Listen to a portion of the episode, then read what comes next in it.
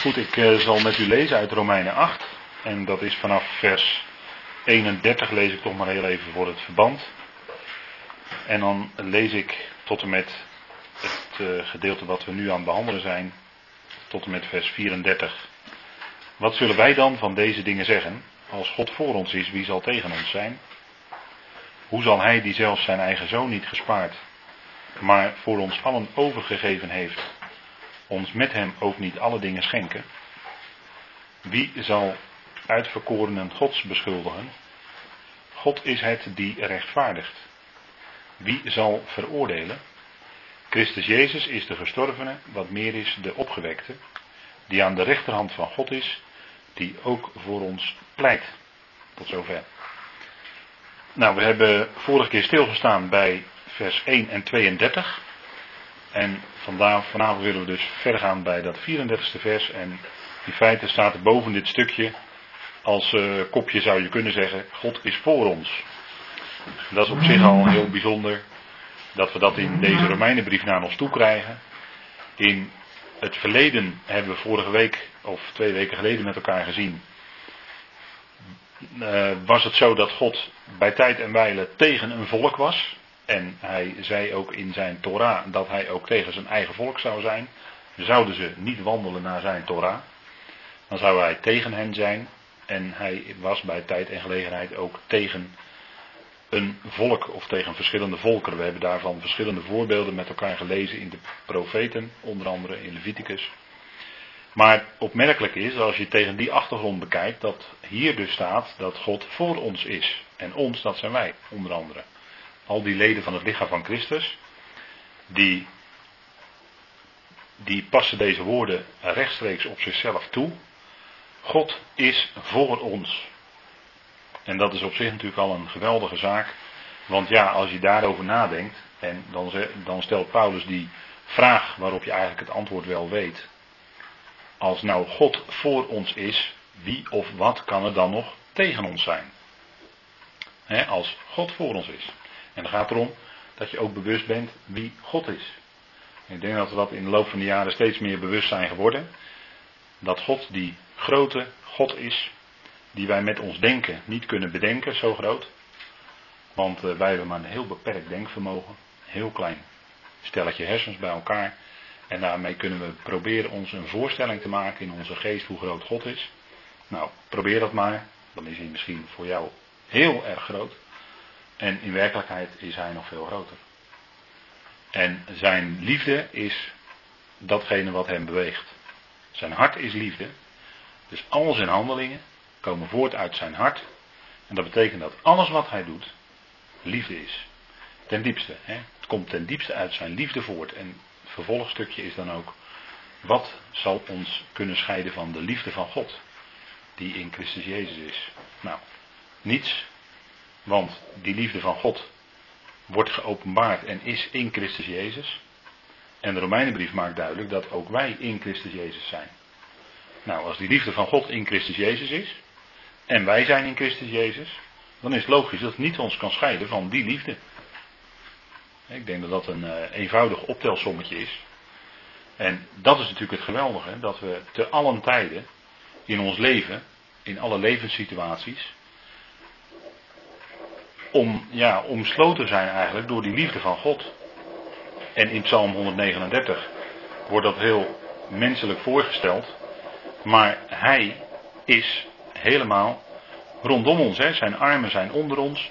Waar wij ook gaan. Hè, al zouden wij zelfs naar het andere eind van de wereld gaan. Nieuw-Zeeland of zo. Dan is hij ook daar. En omringt zijn geest ook daar ons. Hè. Dat zegt Psalm 139. Zo geweldig fijn. Dus we zijn altijd volledig in zijn hand. En het zijn handen die bewogen worden door liefde. Altijd. Hè. Nou, God is voor ons. Hè. Als ik dat lees, dan denk ik direct erbij: God is liefde. En hij is voor ons. En hij laat, heeft dat ook laten zien door zijn eigen zoon niet te sparen. En met het geven van zijn eigen zoon heeft hij het allergrootste geschenk al gegeven wat hij kon geven. Dus alles wat daarna komt is eigenlijk logisch hè, dat dat dan ook komt. Als hij het grootste al heeft gegeven, nou ja, dan al, al die andere dingen zijn kleiner en minder. Dus dat zal hij ook geven. Dus dat is ook logisch, hè? Nou, God is voor ons. En vers 33 zegt dan, want ik ga niet langer stilstaan bij vers 32. Daar zou ik nog wel een hele avond over kunnen praten hoor, dat geeft verder niet. Maar vers 33, want we moeten verder. Begint met de vraag wie of wat zal ons kunnen beschuldigen, dan wel aanklagen. Dat woord beschuldigen kun je ook opvatten als aanklagen. Letterlijk staat er inroepen. dat is ook wat een, eh, als ik het even in de juridische sfeer trek, wat een openbare aanklager ook doet. Die roept een aantal feiten in, of een aantal uh, beschuldigingen, dat hoeven nog geen feiten te zijn, maar een aantal beschuldigingen waarmee de verdachte wordt beschuldigd, die roept hij in, dat woord staat er.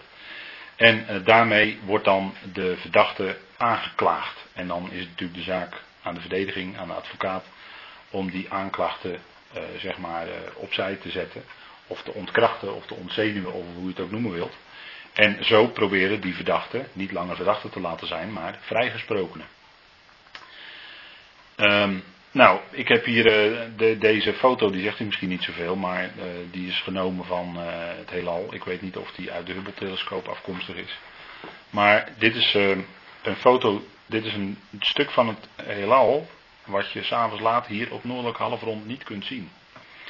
En ik moet eerlijk zeggen, ik heb niet zo ver gegaan dat ik precies weet waar ik het aan moet wijzen. Maar in dit, deze sterren die u ziet zit onder andere het Zuiderkruis. En dat kun je dus op het noordelijk halfrond niet zien. In Nieuw-Zeeland inderdaad, ja. ja. Ik had het net over Nieuw-Zeeland inderdaad. Dat, uh, ja, dat is dan, zonder dat ik het wist was het al passend. Maar dit is dus iets dat je alleen maar op het zuidelijke halfrond kunt zien. Het Zuiderkruis. Nou, waarom deze foto? Omdat deze woorden van Paulus, die klinken eigenlijk door het hele heelal heen. Hè? Wie zal nou kunnen beschuldigen? En we weten dat er allerlei wezens, geestelijke wezens, hemelingen, zich in dat heelal bevinden. En eh, als die die uitroep eh, zouden kunnen waarnemen van de apostel Paulus, dan zouden ze allemaal elkaar aankijken en zouden zeggen, ja, kan eigenlijk niet, als ze eerlijk zijn. Maar toch proberen ze het wel, tenminste als het gaat om uh, krachten en machten die ons willen beschuldigen. Maar daar ga, kom ik zo nog verder op terug. Maar deze woorden, dat wil ik daarmee zeggen, die klinken dus door het hele heelal heen. He, dat is gewoon de vraag van de uitverkorenen van God. Wie zal daar nu een aanklacht tegen kunnen indienen? Wie zal die nu kunnen beschuldigen? En dat is in feite ook weer zo'n vraag waar het antwoord in feite al op bekend is als je goed nadenkt. Een retorische vraag. Uh, nou, we gaan maar eens even een paar uh, noemen. En dan eens even kijken of uh, die misschien ons kunnen beschuldigen. zouden boodschappers ons kunnen beschuldigen? Kijk, deze, nou ja, zo, zo, is die, zo is dan een engel door Gustave Doré voorgesteld. Met vleugels op de rug. Maar dat is helemaal niet hoor. Dat is gewoon maar een menselijke voorstelling van een engel. Dit is dan de boodschapper die bij het graf was. Toen uh, Petrus en Johannes daar aankwamen. Eigenlijk moet ik zeggen Johannes en Petrus, want Johannes was er eerder, hè? Dat weet u, hè? Dat die, ja. Nou, die boodschapper die zit dan bij dat graf. En dit is dan natuurlijk een boodschapper die door God gestuurd is. Om aan die mensen bekend te maken dat hij hier niet is. Nee, hij is opgewekt. En dat, uh, maar boodschappers, hè, er zijn natuurlijk ook, uh, dit, dit is dan een boodschapper van God. Maar je hebt natuurlijk ook boze machten. Hè, boze machten en krachten, zouden die ons kunnen beschuldigen? Is de vraag. En dan kijk ik even rond, ja, wie. Ja? Dat kan wel. Dat kan. Ja. Die kunnen ons beschuldigen. Die ja. ons beschuldigen. Oké, okay. ja. Wie heeft een ander antwoord? Ik denk niet. Dat is het wil. Ik niet. Het is het wil. Probeer. Ja. Moest het laten geloven. Ja. Nou ja, ik zou zeggen alle drie goed. Want in alle drie zit wel een deel van de waarheid. Een deel van waar Paulus het hier over heeft, laat ik het zo zeggen. Kijk, boodschappers die willen ons wel beschuldigen. En die zullen dat bij tijd en gelegenheid ook wel doen. En ons allerlei beschuldigingen influisteren. Maar kunnen die beschuldigingen dan grond hebben? Zijn die dan gegrond? Ik, ik blijf nu even in het juridische. zijn die beschuldigingen dan gegrond tegen ons als gelovigen?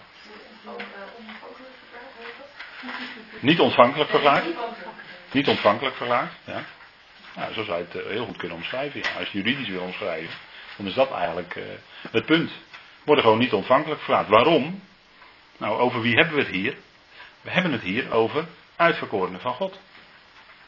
En dan de, de, de, de diepste grond, dat is al een punt, maar de diepste grond waarom wij in feite niet te beschuldigen zijn, of waarom elke beschuldiging die geprobeerd wordt geen grond heeft, ja, dat wordt in dit stukje ook duidelijk gemaakt.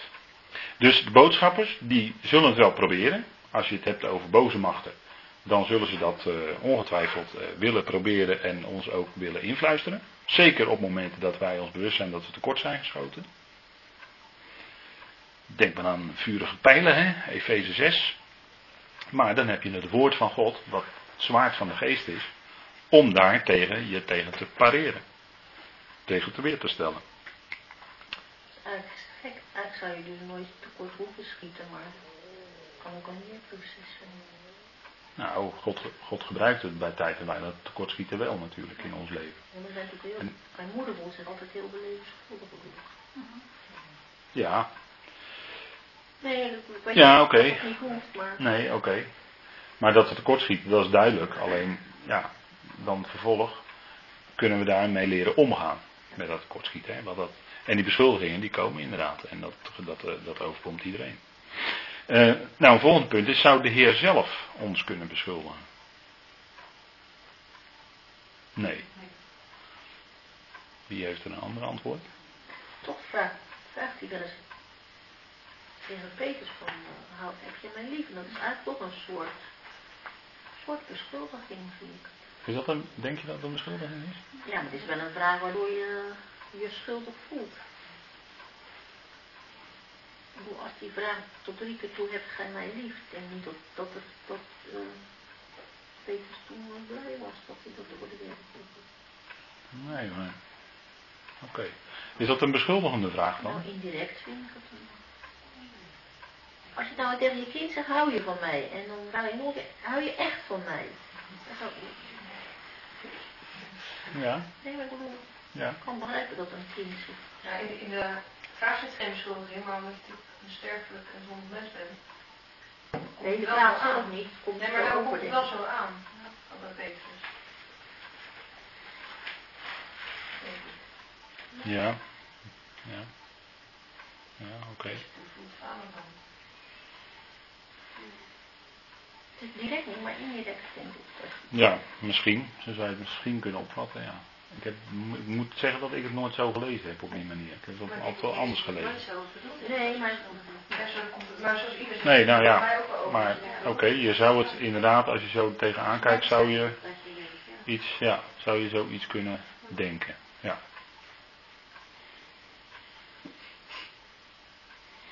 Oké, goed. We gaan verder. Ik kom er straks nog wel op terug.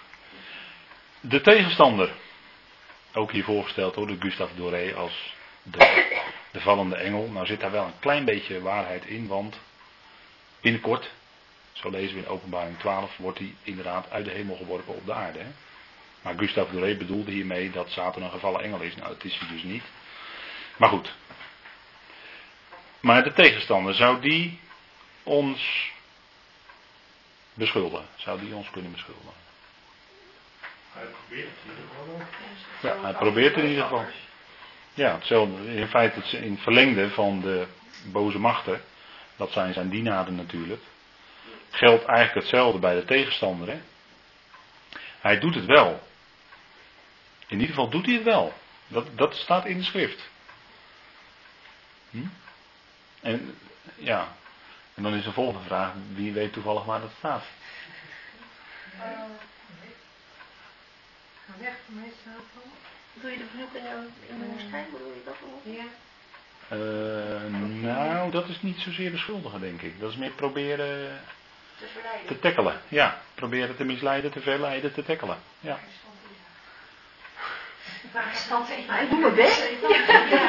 Ook. Waar stond dat ook alweer? Als ik zo oud ben als mijn moeder, dan... Waar stond dat ook alweer? Ja, als je het zegt, dan de zin doen, als je weet wat het wel waar het staat. Ja. Ja. Nou, de, de tegenstander, de aanklager is van de broeders. Dus van de? Hij is de aanklager van de broeders. De aanklager van de broeders. Nee? Nee. Ik zie allemaal een beetje verbaasde gezichten. Ja hoor, oh, Nee, nee, nee. Oh, Oké, nou goed. Nou, openbaring 12. En dat vind ik geen fijn boek niet.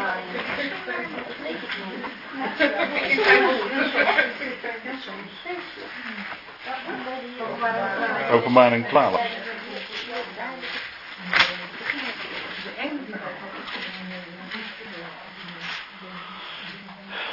Eh, we lezen dan even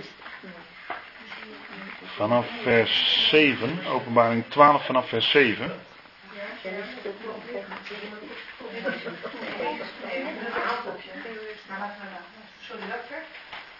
Eh, openbaring 12 vers 7.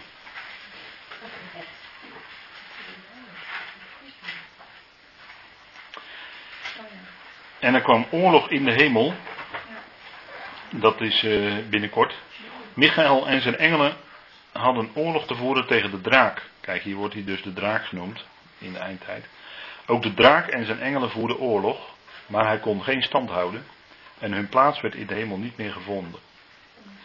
En de grote draak werd op de aarde geworpen. De oude slang, die genaamd wordt duivel en Satan. Nou, nou weten we precies wie het is. Die de gehele wereld verleidt. Hij werd op de aarde geworpen. En zijn engelen met hem. En ik hoorde een luide stem in de hemel zeggen. Nu is verschenen het heil en de kracht en het koningschap van onze God en de macht van zijn gezalfde.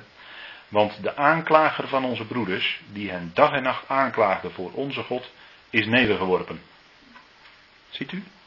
Dus hij wordt genoemd de aanklager van de broeders. Hij doet, hij doet niets liever dan de broeders in beschuldiging proberen te brengen bij God. En vandaar dat hij zo genoemd wordt. Hè? En ehm, nou, dit is dus een beeld, of dit is een, eh, een, een visioen wat Johannes kreeg over de eindtijd. Nou, we staan daar vlak voor. Want er zit een heel duidelijk verband in het moment dat de gemeente wij weggegrist worden van deze aarde. Dus de opname van de gemeente, zoals we dat altijd noemen. Als de gemeente opgenomen is, is daarna het gevolg dat de tegenstander uit de hemel wordt geworpen. Dus met andere woorden, wij erin en hij eruit. Zo hè. En dan zeggen we misschien wel opgeruimd staat netjes. Nou, dat is dan ook zo, ja. Maar hij wordt op, dan op de aarde geworpen en dan heeft hij nog een korte tijd. Hij is dan de grote draak. En eh, die, die zich zal uiten in een wereldrijk, in een wereldmacht. En dan zal hij ook zijn macht en kracht geven aan de verpersoonlijking, verpersoonlijking van die wereldmacht. Dat is de wetteloze, dat is de mens der wetteloosheid. Die ontvangt, hè, en het beest, dat is dan het hele rijk. Maar dat wordt dan geleid uiteindelijk door één figuur. En dat is dan de mens der wetteloosheid. En die krijgt dan van de draak zijn grote macht. En eh, de draak, dat is eh, natuurlijk een beeldspraak. Dat begrijpt u, hè? Want de tegenstander is een geest. En als zodanig kunnen we die niet eens waarnemen. Maar hij wordt onder allerlei benamingen wordt hij dus genoemd. Hè? De Satan, dat betekent tegenstander. De duivel betekent dooreenwerper. De oude slang. En dat refereert natuurlijk toch aan Genesis 3. Hè? Aan de misleiding van de mens. Dat deed de slang. Maar goed, nu weten we uit de openbaring wie daar dan uiteindelijk achter zit. Dus onder die benamingen wordt hij allemaal genoemd. Maar bedenk wel dat hij een geest is. En vandaag aan de dag doet hij zich voor als een boodschapper van het licht. Dus het lijkt net alsof hij licht brengt in de ogen van de mensen. Maar wij kijken daar anders tegenaan, want wij hebben het ware licht vanuit Gods woord. Wij kennen de Heer Jezus Christus als het licht van de wereld. En dat is het ware licht. En dan blijkt dat natuurlijk het licht wat de tegenstander verspreidt, dat het eigenlijk duisternis is. Dat is even die omkering. Maar hij is dus degene die zich wel opwerpt als de boodschapper van het licht. En zijn dienaren ook. En die spreken dan heel mooi, want de slang die kan best wel heel mooi spreken. En dan eh, geven ze allemaal mooie beloften van een, eh, een groot rijk op aarde, waaraan we dan zelf kunnen bouwen. een rijk van vrede en gerechtigheid. Hè, die begrippen worden dan allemaal gebruikt. Maar dat is dus de tegenstander die zich voordoet als een boodschapper van het licht. Want hij wil namelijk dat, dat hele rijk op aarde stichten zonder Christus. En wij weten dat alleen maar echte vrede en gerechtigheid op aarde kan komen door Hem, door Christus Jezus. Niet, eh, niet anders. En het komt ook niet eerder. Hè. Ware vrede en ware gerechtigheid, hè, Gods gerechtigheid, komt niet eerder dan dat Christus zelf op aarde is gekomen en zijn voet heeft gezet op de olijfberg. En dat koninkrijk dan gaat oprichten. Maar eerst moet de koning er zijn en pas dan komt het koninkrijk. Nou, de tegenstander, die probeert dan als naaper, zeg maar, zelf een rijk te stichten. En het zal hem heel even lukken om de hele wereld in aanbidding aan hem te krijgen. Zelfs gedwongen. Maar dat zal maar heel even duren. En dan zal de Heer Jezus daar zelf een einde aan gaan maken. Nou, dat is wat eh, de schrift dan uiteindelijk zegt. Hè? Maar zal de tegenstander ons kunnen beschuldigen? Nou, hij is daar wel altijd mee bezig, onder andere. En zijn handlangers, om het zo maar te zeggen, willen dat ook maar al te graag doen. Hè? Ons in beschuldiging, in staat van beschuldiging stellen. En dat het ten onrechte is, dat, dat maakt Paulus hier erg duidelijk. De tegenstander, dat is dus de aanklager, hè? De, de grote beschuldiger. God zelf, dat zou je ook nog af kunnen vragen. Zouden wij door God en zijn woord, want God spreekt, hè? God is per definitie een sprekende God, zou God door zijn woord ons aanklagen of beschuldigen. Nou, als je maakt, misschien als een woord natuurlijk opgeroepen van de krenkingen eigenlijk, dat je, dat je daar aan voorbij ziet ook, denk ik niet. Ja, Want je blijft oké. natuurlijk toch, ook al weet je dat het anders is, Ja. je blijft natuurlijk tot de fout gaan gaan. En Ja. van een woord kan je natuurlijk dan wel Ja. eh, voelen van nou ja, eigenlijk is het anders. Zo Het, het, woord, eh, het woord is wat, wordt wat, je, van, nou, Corrigeert. wat je corrigeert. Ja. Net zoals je dan de, de vrucht van de geest leest. En dan Ja. denk je, oh ja, ik ben weer boos geweest. Ah, ja. Ja, maar hij ziet ons toch ook in Christus Jezus Ja, aan. dat- dat is ook hij zo. kan helemaal, hij, hij, kan, Ja. hij kan ons niet meer anders aan, aanzien. Dat, is- dat is ook zo, maar ik denk als je die dingen leest, dan denk je, ja, ik denk dat je toch, dat is toch een stuk aan weet Jawel, maar Ja, dat is is natuurlijk- onschuldigbaar, maar ja, maar God niet. God ziet het anders, denk ik dan. Maar het, Ja. woord, het woord zegt en dat is geïnspireerd door God, zegt ook van nou, je moet een nieuwe mens aandoen, maar dat Ja. doe je wel eens niet. Ook. Snap je? Dus dan uiteindelijk zou het toch wel vanuit het woord wel zo kunnen zijn. Denk maar in het Volksmatig. waren werkte de zondige hartstocht. Geen knop toevoegen. Die die in onze leden enzovoort, ja. Ja. Ja, nee, maar dat is natuurlijk een feit. Alleen dan, dan heb je te maken met inderdaad de, het vlees. Ja, ja. Hè, de zonde die werkt in het vlees. Ja. Eh, maar dat is eh, dan op dat moment even jouw ervaring. En eh, dat zeg jij in feite ook. Van, eh, dat is je ervaring op dat moment. Ja.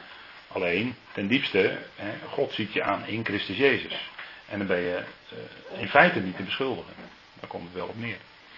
Dus deze hier, als je dit afvraagt, God zelf zou die ons kunnen. Hè? Want we moeten, we moeten echt ieder, we moeten, ik heb geprobeerd om ieder, zeg maar, alles wat je zou kunnen bedenken langs te lopen. Die echt van belang zijn. Eh, die ons zouden kunnen beschuldigen. Hè? Want we zijn bezig met die vraag van Paulus natuurlijk, hè? die jij stelt. Nou, dan moet je ook de vraag stellen, zou God zelf ons kunnen beschuldigen? En, nou ja, goed, daar, daar, eh, daar- het antwoord, nee, ja, goed, uiteindelijk niet. Uiteindelijk niet. Maar in eerste instantie wel, want dan zou Christus weer voor niks gesloten zijn. Ja, maar nu zijn we, ja oké. In eerste instantie wel, maar de veroordeling is voorbij. Voor ons. Voor ons is het ook voor niks zijn. Dus in Ja. eerste mening. instantie wel. Ja, in eerste instantie wel. Alleen als we zeggen nu in Romeinen 8, hè, dan, hebben we het, dan, hebben we eigenlijk, eh, dan zitten we eigenlijk aan de, ja, een beetje aan de slotakkoorden van het evangelie. Vat Paulus de de dingen nog eens een keer samen. Als we nu spreken in Romeinen 8 over, zijn wij nog te beschuldigen. Hè, door God zelf? Nee. Nee. En voordat Christus nu niet meer. Toen die vraag gesteld zou worden? Dan, toen wel. Ja, want toen hadden we, eh, niet, niet, eh, voor, de, voor Israël was er de wet die tegen hen getuigde. Mhm. Dat staat letterlijk zo in de schrift. En bij ons als heidenen was het in ieder geval op zijn minst het geweten. Of je intuïtie, of je geweten. Dat je als mens, ook al heb je nog nooit van de tien geboden gehoord. Als je eh, dingen doet als, laten we zeggen, als pure heiden die tegen de tien geboden ingaan. Dan zeker de eerste keer, dan weet je dat als mens. Omdat dat gewoon in de mens ingebakken zit. Om dat eigenlijk intuïtief niet te willen doen. Dat, is, dat is wat Paulus ook zegt in Romeinen 2, daar hebben we bij stilgestaan. Dus, maar goed, dat, eh, eh, dat eh, zou ons kunnen veroordelen, inderdaad. En God zelf, zijn woord, getuigde inderdaad tegen de mensheid. Maar toen is Christus gekomen. En toen werd anders. Hè, toen hij gestorven was en ook zeer zeker opgewekt was. Dat hoort er zeer nadrukkelijk bij. Toen was de situatie anders geworden.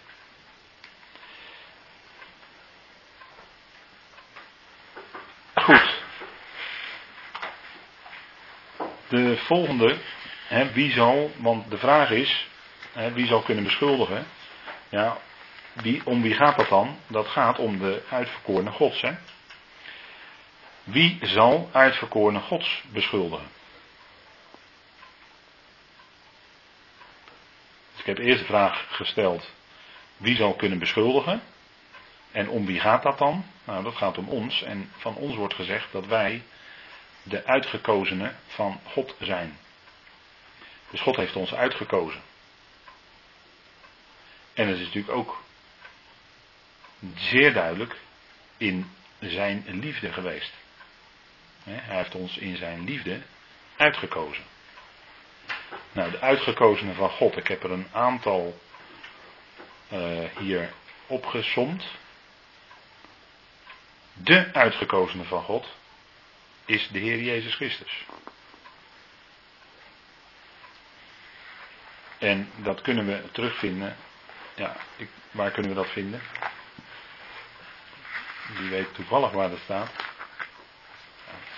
er. Als die uitgekozen is, Dat hij de, uitge, de uitverkorene, ja in de vertaling staat dan de uitverkorene. eh? Ja, daar. Ja, ja. Maar waar? Ja.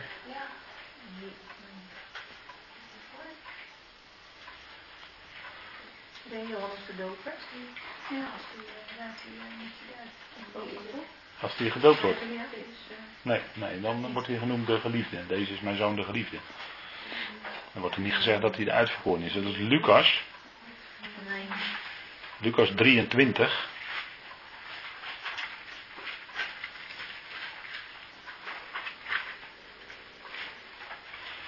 En dat is als hij aan het kruis hangt.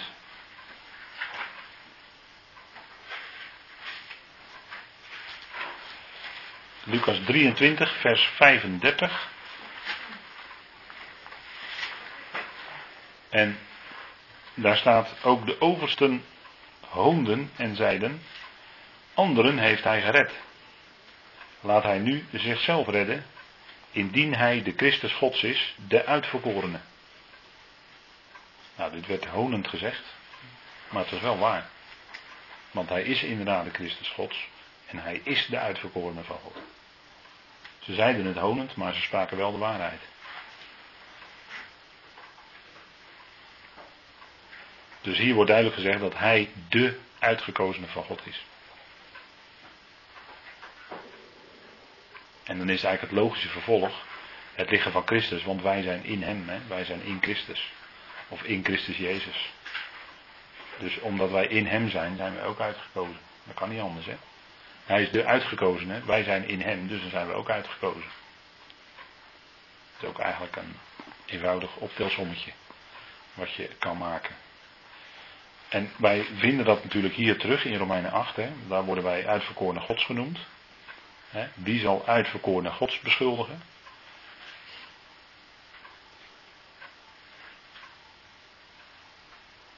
En wanneer waren wij dat? Werden wij dat? Wanneer werden wij uitgekozen? Voor de medewerking. Voor de nederwerping. De wereld. Efeze 1, hè? Wij zijn uitgekozen in hem voor de nederwerping van de wereld. Efeze 1, de, eer- een van de eerste versen. Ook daar wordt het gezegd, hè? En er wordt nog op meer plaatsen natuurlijk, hè? Want het wordt verschillende keren gezegd van de, van de gemeenteleden. En ook van Israël wordt het gezegd. We nog wel één vraag stellen. Ja. Het gaat ook echt om het lichaam, wat dan voor de nederwerping werd uh, uitgekozen. De- al- zozeer de hele mensheid. Of kan je dat... Nee, dat nee, wordt specifiek van het lichaam van Christus gezegd.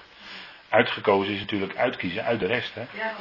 Het is een, eh, je, je wordt uit de rest uitgelicht, eruit genomen en dan ben je uitgekozen. Oké.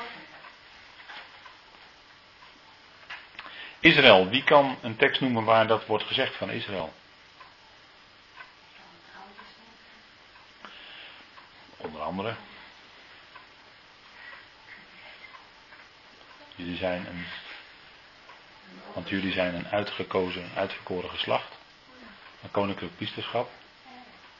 Dat wordt ook gezegd, uitgekozen geslacht. Het uitverkoren volk, Israël. Hm? Ja.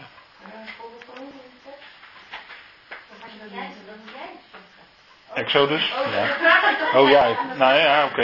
Exodus, Exodus 19, daar wordt het gezegd. Komt meerdere keren voor. Ja. Exodus 19, vind je dat onder andere ook 1 Petrus 2, hè, wordt het gezegd. 1 Petrus 2. Dan zal u wat vaker de brieven van Paulus lezen, denk ik, dan de brieven van Petrus. Maar in 1 Petrus 2 wordt dat nog eens herhaald, hè, die woorden uit Exodus 19, die ik net citeerde van, jullie zijn een uitverkoren geslacht, een heilig volk, een priesterlijk volk, een koninklijk priesterschap, hoe je het ook noemen wil. Maar dat is eh, allemaal wat in de schrift duidelijk, hè, eh, dat Israël Gods volk, uitverkoren volk is. Ja, dat wordt natuurlijk op eh, heel wat plaatsen in de schrift eh, bekendgemaakt. En dit rijtje is niet helemaal eh, compleet. Ehm, je zou hier ook aan toe kunnen voegen de discipelen van de Heer Jezus. Maar die vallen natuurlijk onder Israël. Maar goed, daar wordt wel specifiek nog tegen gezegd. Tegen de discipelen. De Heer Jezus zegt dat tegen zijn discipelen. Want er wordt natuurlijk nog wel eens gezegd van ja, eh, tegen mensen van tegenwoordig van ja, je moet eh, kiezen voor Jezus. Maar als je naar de Heer zelf luistert, dan is het net andersom. Dat de Heer jou uitkiest. En dat wij worden ook uitgekozenen genoemd. Hè? Dus dat, daaruit is het sowieso al duidelijk. Hè? Wij zijn uitverkorenen, dus Hij heeft ons uitgekozen. Dus daar zit sowieso al die ommekeer in. Maar je kan het heel letterlijk aanhalen uit Johannes 15. Daar zegt de Heer tegen zijn discipelen: Niet jullie hebben mij, maar ik heb jullie uitgekozen. Dus dat is precies andersom. Hè? Zullen we dat eens even met elkaar lezen? En dat zijn dan discipelen. En ehm, kijk, het punt is, als er geëvangeliseerd wordt, dan merk je dat men het bij de mens neerlegt. Hè? De mens moet dan een keuze maken. Ben onlangs, eh, heb ik dat nog heel duidelijk gehoord. De mens moet, er- dan dacht, toen dacht ik van ja, maar nou moet de mens dus een keuze maken. Dus wordt het helemaal bij die mens neergelegd. Maar het evangelie is, God is de redder van alle mensen. Dat is gewoon een mededeling. Zo is het gewoon, klaar. Het zou nog verdienst voor ons kunnen. Nee. Dus dat, dat is het evangelie. God is de redder van alle mensen. Dat is het evangelie. En als een mens dat hoort en dan zegt daar ja op, dan is dat geweldig fijn. Als iemand dat erkent, iemands hart wordt geopend, is dat fantastisch. Maar je kunt niet prediken van jij moet een keuze maken. Wel nee. God is de redder van alle mensen. En, en dat kun je tegen iemand zeggen. En daarmee maak je gelijk bekend, God is ook jouw redder. Tegen wie het ook maar zegt. En dan is natuurlijk het eh, geweldige van het evangelie, wie je ook bent. Wat je ook gedaan hebt. Wat je in je leven ook allemaal op je kerststok hebt, zouden wij zeggen. God houdt van je en hij is jouw redder. Dat is het evangelie. Nou, dat is denk ik toch een, een, een, heerlijke boodschap. Ja, maar hoef ik zelf dan niks te doen? Nee. Hoezo dan? Nou, Jezus Christus heeft voor jou alles gedaan. Alles. Je hoeft zelf niks, niks te doen. Nou, dan kan je je voorstellen om God daarvoor te gaan danken. Dat, en dan is het dat antwoord. Maar ook dat is dan niet eens meer jouw verdienste, want dat heeft God dan al in jou bewerkt. Dat is die zondaar zich dan niet bewust, maar dat is natuurlijk dan wel zo. Nou, en dat wordt ook maar weer hier duidelijk hè, in Johannes 15, vers 16. Daar zegt de Jezus tegen zijn discipelen: Niet gij hebt mij, maar ik heb u uitgekozen en u aangewezen opdat ge zoudt heen gaan en vrucht dragen. En uw vrucht zal blijven, opdat de Vader u alles geven wat gij hem bidt in mijn naam. Dit gebid ik u dat gij elkaar lief hebt. Nou, dit is dus een geweldige uitspraak van de Heer Jezus tegen zijn discipelen. want hij liep ergens langs en hij riep. En hij riep Simon en hij riep Andreas en hij riep uh, uh, Levi. En hij riep en ze kwamen en ze gingen met hem mee. En hij riep Judas die hem later zou verraden. Die hem later zou overgeven. En dus we zien hier dat de discipelen, hè, de heer Jezus zegt heel duidelijk tegen zijn discipelen, ik heb jullie uitgekozen. Jullie hebben mij niet uitgekozen, maar ik heb jullie uitgekozen. En zo geldt het ook voor ons. wij waren al uitgekozen in Hem voor de nederwerping van de wereld. En daarmee zegt de Heer dus: Kijk, ik heb, jullie hebben niet mij, maar ik heb jullie uitgekozen. Hoe lang is dat geleden? Nou, al van voor de nederwerping van de wereld. Nou, dat is toch een geweldige zaak. Hè? En als je dus al voor de nederwerping, dan heeft het dus helemaal niets, maar dan ook echt helemaal niets te maken met wat jij gedaan hebt of doet, of nog zal doen. Daar staat het helemaal los van. Het is volledig Gods werk. Hij heeft jou uitgekozen voor de nederwerping van de wereld. Er valt dus niet aan te ontkomen, dat is eigenlijk dus negatief nu. Maar positief is, het is helemaal los van jouw werken. Het is helemaal afhankelijk van zijn genade, van zijn liefde, van zijn kiezen en van het werk wat de Heer heeft gedaan. Door aan het kruis te sterven en op te staan uit de dood. Dat is het werk wat gedaan moest worden. En God verwacht van ons geen enkel werk. Echt niet. Dus dat, dat is het geweldige van, van dat God uitkiest. En uitkiezen is ook altijd met een bepaalde bedoeling. Want God kiest de gemeente uit, God kiest Israël uit, God kiest discipelen. Hij kiest ook boodschappers. 1 Timotheus 5 worden ze genoemd, de uitgekozen boodschappers. Of dat hemelingen zijn of mensen, daar, dat weet ik niet. Dat vind ik dan even moeilijk. Maar in ieder geval kiest hij die ook uit. En uitkiezen door God is altijd met het oog op de redding van anderen. Want hij gebruikt de gemeente, het van Christus, voor de hemelse machten en krachten, voor de hemelingen. En hij gebruikt Israël op aarde voor de andere volkeren. Dus dat is het doel van uitkiezing, van uitkiezen. Dat heeft altijd een doel. Dat is nooit op zich om alleen maar gered te zijn. daar, daar zijn nog wel wat misverstanden over hier en daar. Maar uitkiezen heeft altijd het oog op de ander.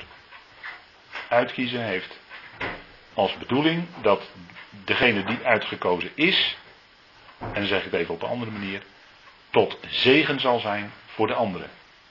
Daar, dat is het doel van uitkiezen. En nou goed, wij zijn als gemeente ook uitgekozen. Nou, dat is dus met de bedoeling om tot zegen en heerlijkheid te zijn. Ten, e-, ten eerste van Hem en ten tweede van al die hemelingen, hemelse machten en krachten. Eigenlijk van de hele schepping. Goed, we gaan even met elkaar pauzeren.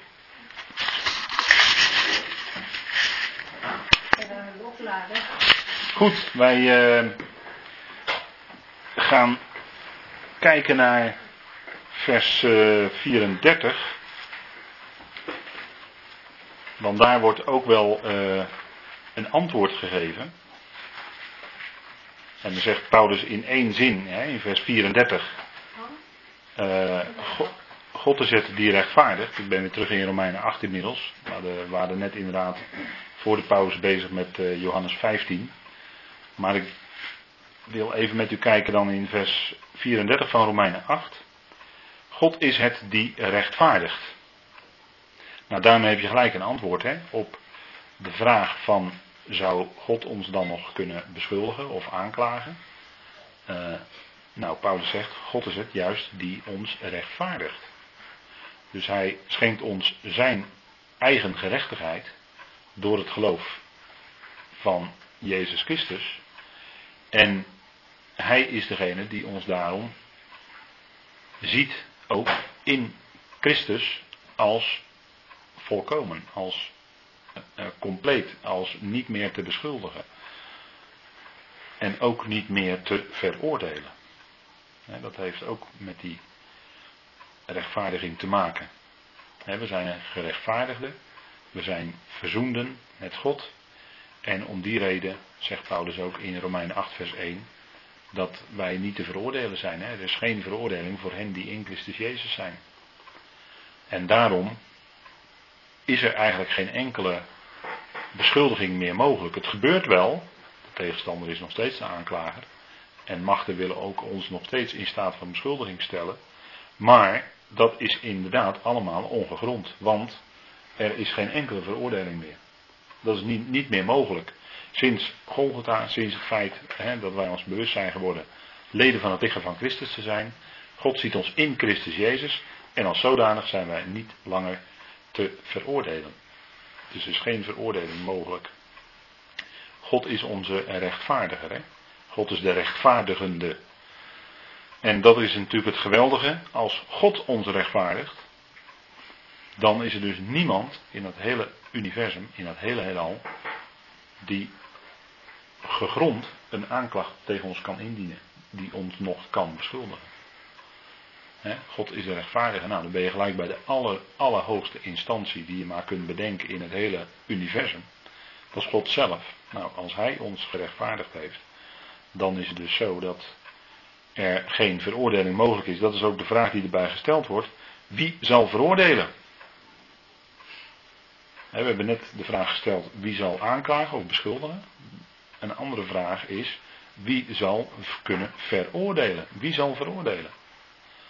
Nou, dat is niet mogelijk. Hè? Ik heb net de Romeinen 8 vers 1 al laten klinken. Er is geen veroordeling meer mogelijk. Want de zoon kwam onder die veroordeling op Golgotha. En die heeft voor ons dat gedaan. Wat wij met z'n allen niet eens konden doen. Namelijk de zonde van de wereld dragen. En daardoor, hè, het feit dat hij dat deed. En het feit dat hij is opgewekt. Daarmee is voor eens en voor altijd duidelijk dat, hij, dat wij gerechtvaardigden zijn. Hij werd, Romeinen 4 vers 25. Hij werd opgewekt om onze rechtvaardiging. Wat betekent dat? Dat hij eh, is opgestaan, opgewekt uit de doden, als een bezegeling van het feit dat wij gerechtvaardigd zijn. Het is niet, hij werd opgewekt ten behoeve van onze rechtvaardiging. Dat betekent het niet wat daar staat. Het betekent om, betekent eh, op grond van, of het heeft te maken met eh, vanwege, dat is een beetje ouderwets woord, maar vanwege onze rechtvaardiging. Dus wij waren gerechtvaardigden. Hè? Het werk van de zoon was compleet. Hij is voor ons allen de dood ingegaan en daarmee ook die hele oude mensheid. Gerechtvaardigd, want Romeinen 6, vers 7 zegt ook: wie gestorven is, is gerechtvaardigd van de zonde. Romeinen 6, vers 7. En hij werd dus opgewekt als bezegeling van onze rechtvaardiging.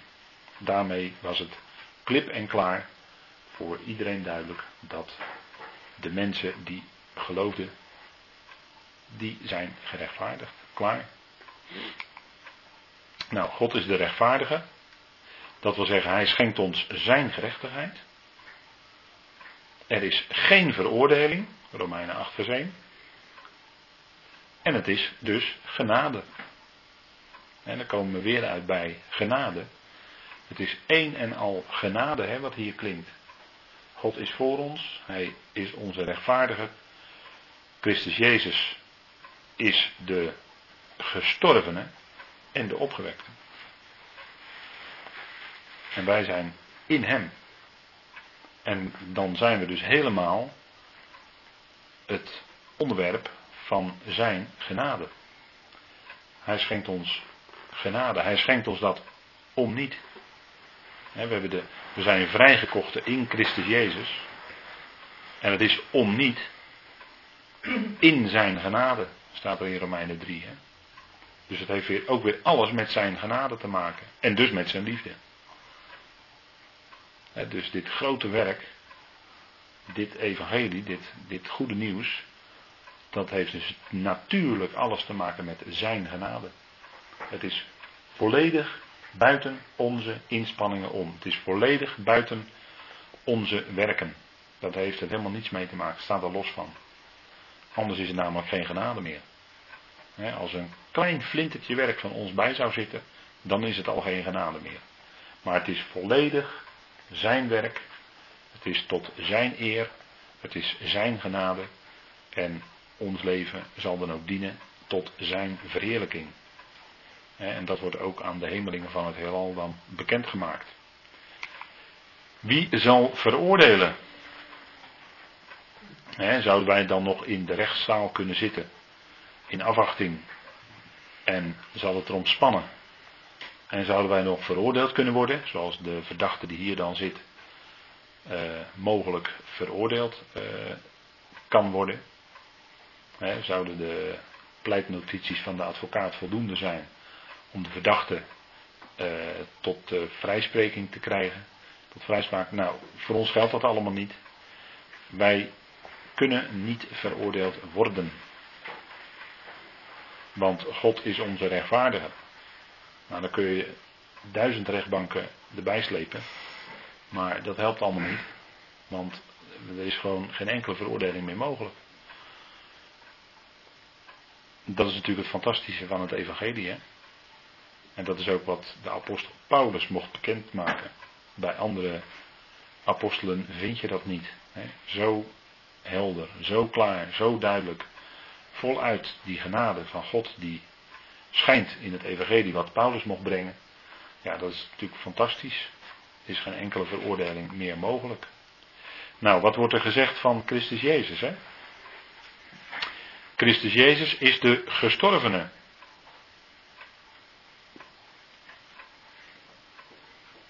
En dan, God, God rechtvaardigt ons. En dat is natuurlijk in het Evangelie, Romeinen 3 en 4 en 5 en 6, is dat wel heel duidelijk vastgesteld. Dat wij gerechtvaardigden zijn. En Romeinen 8 zegt dan natuurlijk dat wij niet te veroordelen zijn. En het is volledig gebaseerd op zijn werk. Christus Jezus is natuurlijk zijn titel, staat dan voorop als gezalfde gezalfde Jezus, dus dit, dit duidt dan op hij die verheerlijkt is, hij die dood is geweest en opgewekt is en aan de rechterhand vader is. Nou, dat gaat Paulus ook precies hier opzommen. Hij is de gestorvene. Voor wie? Nou, voor ons. Dat is in vers 32 al heel duidelijk gezegd hè, door de apostel. Hij werd door God overgegeven. En dat heeft allemaal te maken met ons. En natuurlijk weten we uit het evangelie dat het voor ieder is. Hij is gestorven voor ieder, voor iedereen, voor alle mensen, voor de, al die zondaren, miljarden. Daarvoor is hij gestorven. Hij is de gestorvene. Dat is eigenlijk heel bijzonder, want ja, hij was de, degene aan wie God het had gegeven om leven te hebben in zichzelf, zegt Johannes. Hè? Hij wekt de doden op. Dus hij kon zelfs Lazarus uit de doden opwekken. Hij kon de jongeling van Naaien kon hij oprichten. Dochtertje van Jairus. Daarvoor zei hij ja, het slaapt. En dan gebruikt hij natuurlijk een stijlfiguur. slapen is een hele mooie stijlfiguur voor de dood. En hij wekte ook de dochtertje van Jairus op. Talita Kumi. Nou, dus hij kon zelfs doden tot leven wekken. Zo'n levenskracht had hij in zichzelf. En daarom is het zo bijzonder dat Paulus van hem zegt, hij is de gestorvene. Dus de levensvorst is, de, is die weggegaan wat de wil van de vader was. Wat, wat, en die weg leidde ertoe dat hij aan het kruis werd genageld. En dat hij dus uitriep, vader in uw handen beveel ik mijn geest. En hij blies zijn laatste adem uit en zijn geest ging terug naar God. Hij is de gestorvene. Dat is natuurlijk heel bijzonder. Hè? Wij zijn zo gewend eraan geraakt dat hij stierf. Maar bedenk eens, wie dan eigenlijk stierf? Hè? Hij die gewoon tijdens zijn leven doden opwekte. Diegene die stierf. Nou, dat is natuurlijk heel bijzonder. En hij is ook de opgewekte. Paulus zegt dat hij, ja in de vertaling staat wat meer is. Er staat een woord dat gaat een beetje in die richting. Wat meer is is misschien net iets te sterk vertaald. Maar er staat zoiets van veel eer of eerder. En dat maakt wel duidelijk dat dat feit dat hij opgewekt is, dat dat uh, ook iets heel bijzonders is. En dat dat eigenlijk nog iets meer inhoudt dan dat hij alleen gestorven is. als hij alleen gestorven zou zijn, en het zou daarbij zijn gebleven, zegt Paulus, nou dan hebben we geen evangelie hoor. Dan hebben we geen goed nieuws meer. Als hij gestorven was en hij zou dood zijn gebleven. Daar heb je niks aan. Als ik het even zo platweg mag zeggen. Maar hij is opgewekt, zegt Paulus in 1 Korinthe 15. Hij is opgewekt door God op de derde dag. En dan heb je wel een goed bericht, want dan is de dood overwonnen. En dan zijn onze zonden inderdaad echt weg. Paulus zegt, als je dat niet gelooft, hè, of als dat niet zo zou zijn, dan ben je nog in je zonde, zegt hij tegen de Corinthiërs. Dan zouden die zonden, dan zouden, hè, dan zouden al die zonden nog steeds, als het ware, als een last op de hele mensheid drukken. Maar hij is opgewekt en daarom is duidelijk dat die zonden in feite zijn weggedaan. Zie het lam gods wat de zonde van de wereld wegdraagt. Dat heeft hij gedaan. En het was echt weg toen hij werd opgewekt. Want toen kwam de eersteling van de nieuwe mensheid tevoorschijn uit het graf. De eersteling van de nieuwe mensheid. Dat betekent tegelijk dat die hele nieuwe mensheid ook gaat komen. Dus hij is de opgewekte met dat opgewekte, dan heb je inderdaad goed nieuws. dat is het. En op grond daarvan zal God zijn hele verdere huisplan verder uitwerken. En hij is aan Gods rechterhand. Alles zal uiteindelijk aan de zoon ondergeschikt gemaakt worden. Hij zal alles aan zich onderschikken. Maar, zegt de Hebreeënbrief, nu zien wij nog niet dat alles aan hem ondergeschikt is. En wij kunnen hem zelfs nu niet zien. Maar wij weten in geloof dat hij aan Gods rechterhand is. en het is hier een opklimmende reeks. Alles wat Paulus zegt is dus, is dus uh, van uh, grotere waarde zou je kunnen zeggen. En het is ook letterlijk een opklimmende reeks van we gaan uit het graf naar de rechterhand van vader. dus dat is ook in de schepping gezien een opklimming. Nou, hij is aan Gods rechterhand. En recht, de, de rechterhand, of de rechterkant, is de plaats van macht. Is de plaats van waarheid. Is de plaats van waaruit God alles leidt. Nou, hij is aan Gods rechterhand.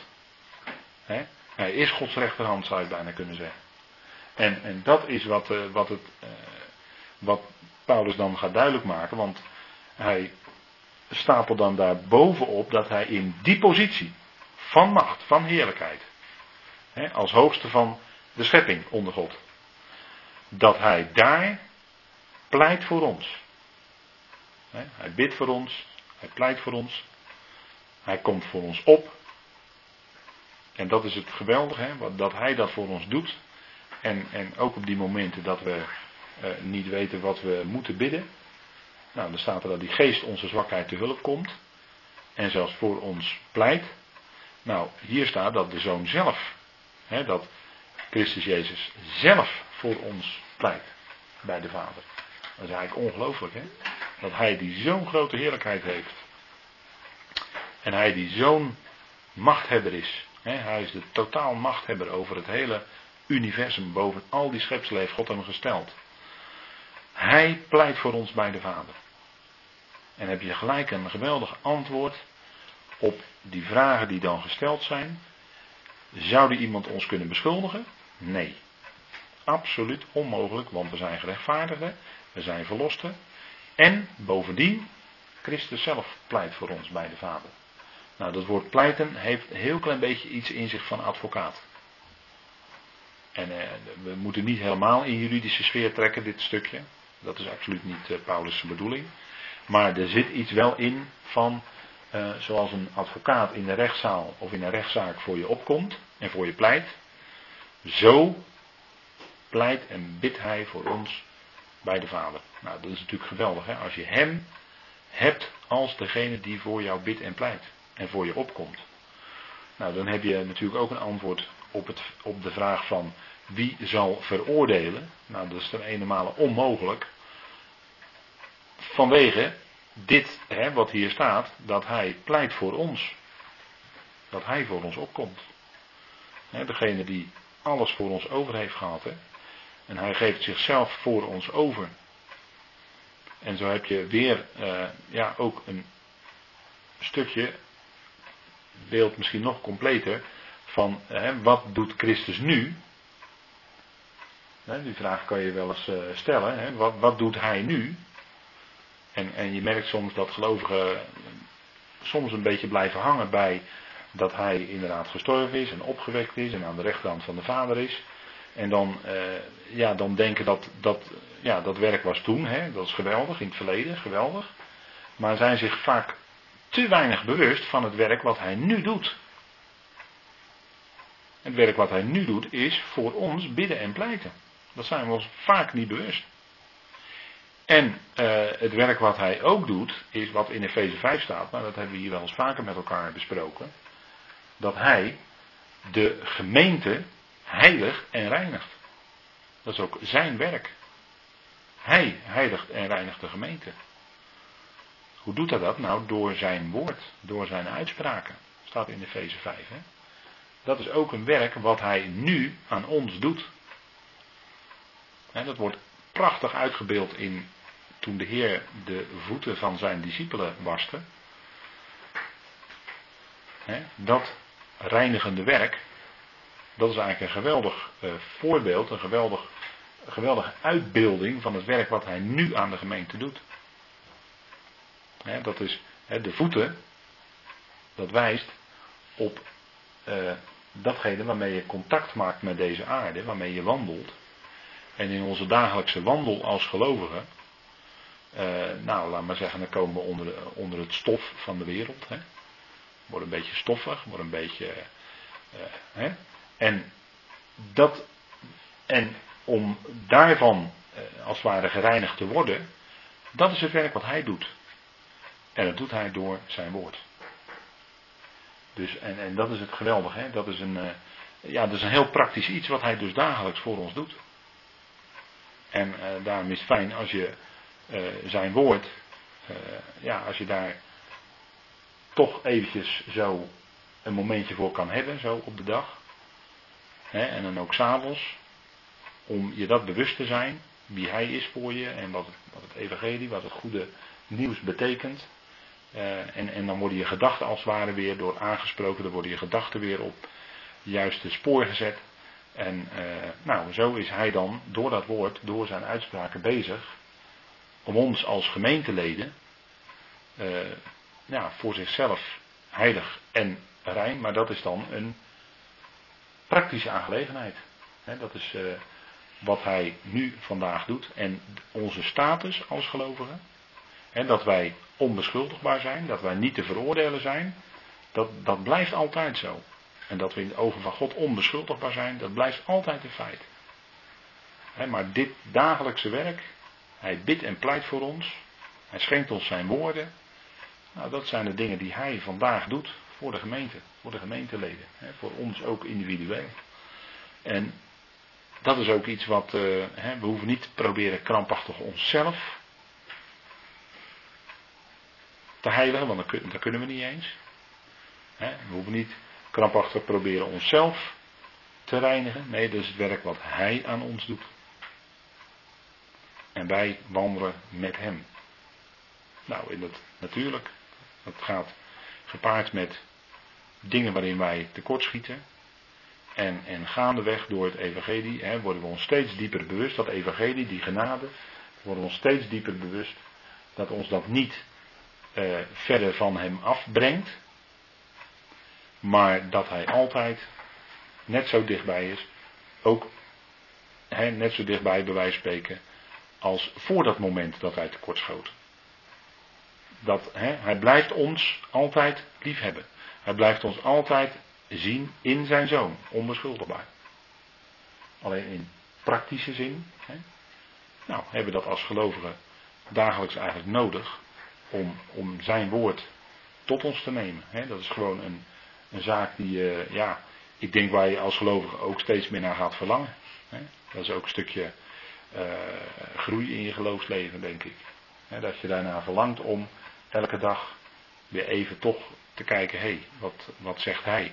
En dat die woorden dan daardoor ook steeds dieper in je hart komen en makkelijker in je gedachten terugkomen. Dat is natuurlijk ook een uh, punt wat fijn is. Want dan heb je het woord altijd bij je. Dan, dan kun je dat zo als het ware in je gedachten weer terugroepen. Dingen die je aanspreken, die blijven je ook bij. Nou, dat is uh, gewoon fijn. Nou, en dat, uh, dat is het werk hè, wat hij doet. Hij bidt en pleit voor ons. Want hij weet wie we zijn. Hij weet dat we zwakke van, vanuit onszelf zwakke mensen zijn. Hij is zelf hier op aarde gekomen als mens. Dus hij kent de zwakheden van de mens. Hij kent onze zwakheden. En hij pleit voor ons. Hè, en de Hebreeën zegt het ook mooi. Eh, wij naderen tot de troon van de genade. Hij regeert in genade. En wij naderen tot hem, tot de troon van genade. Dat is hetzelfde als wat Paulus zegt in Romeinen. Dat genade vandaag aan de dag regeert. Het is niet langer dat wij, of dat de mens uh, onder de wet is, maar we zijn onder de genade. Nou, dat is hetzelfde als de troon van de genade. Hè? Hij is de gestorvene. Je ziet het, hè? Golgotha uitgebeeld. Door deze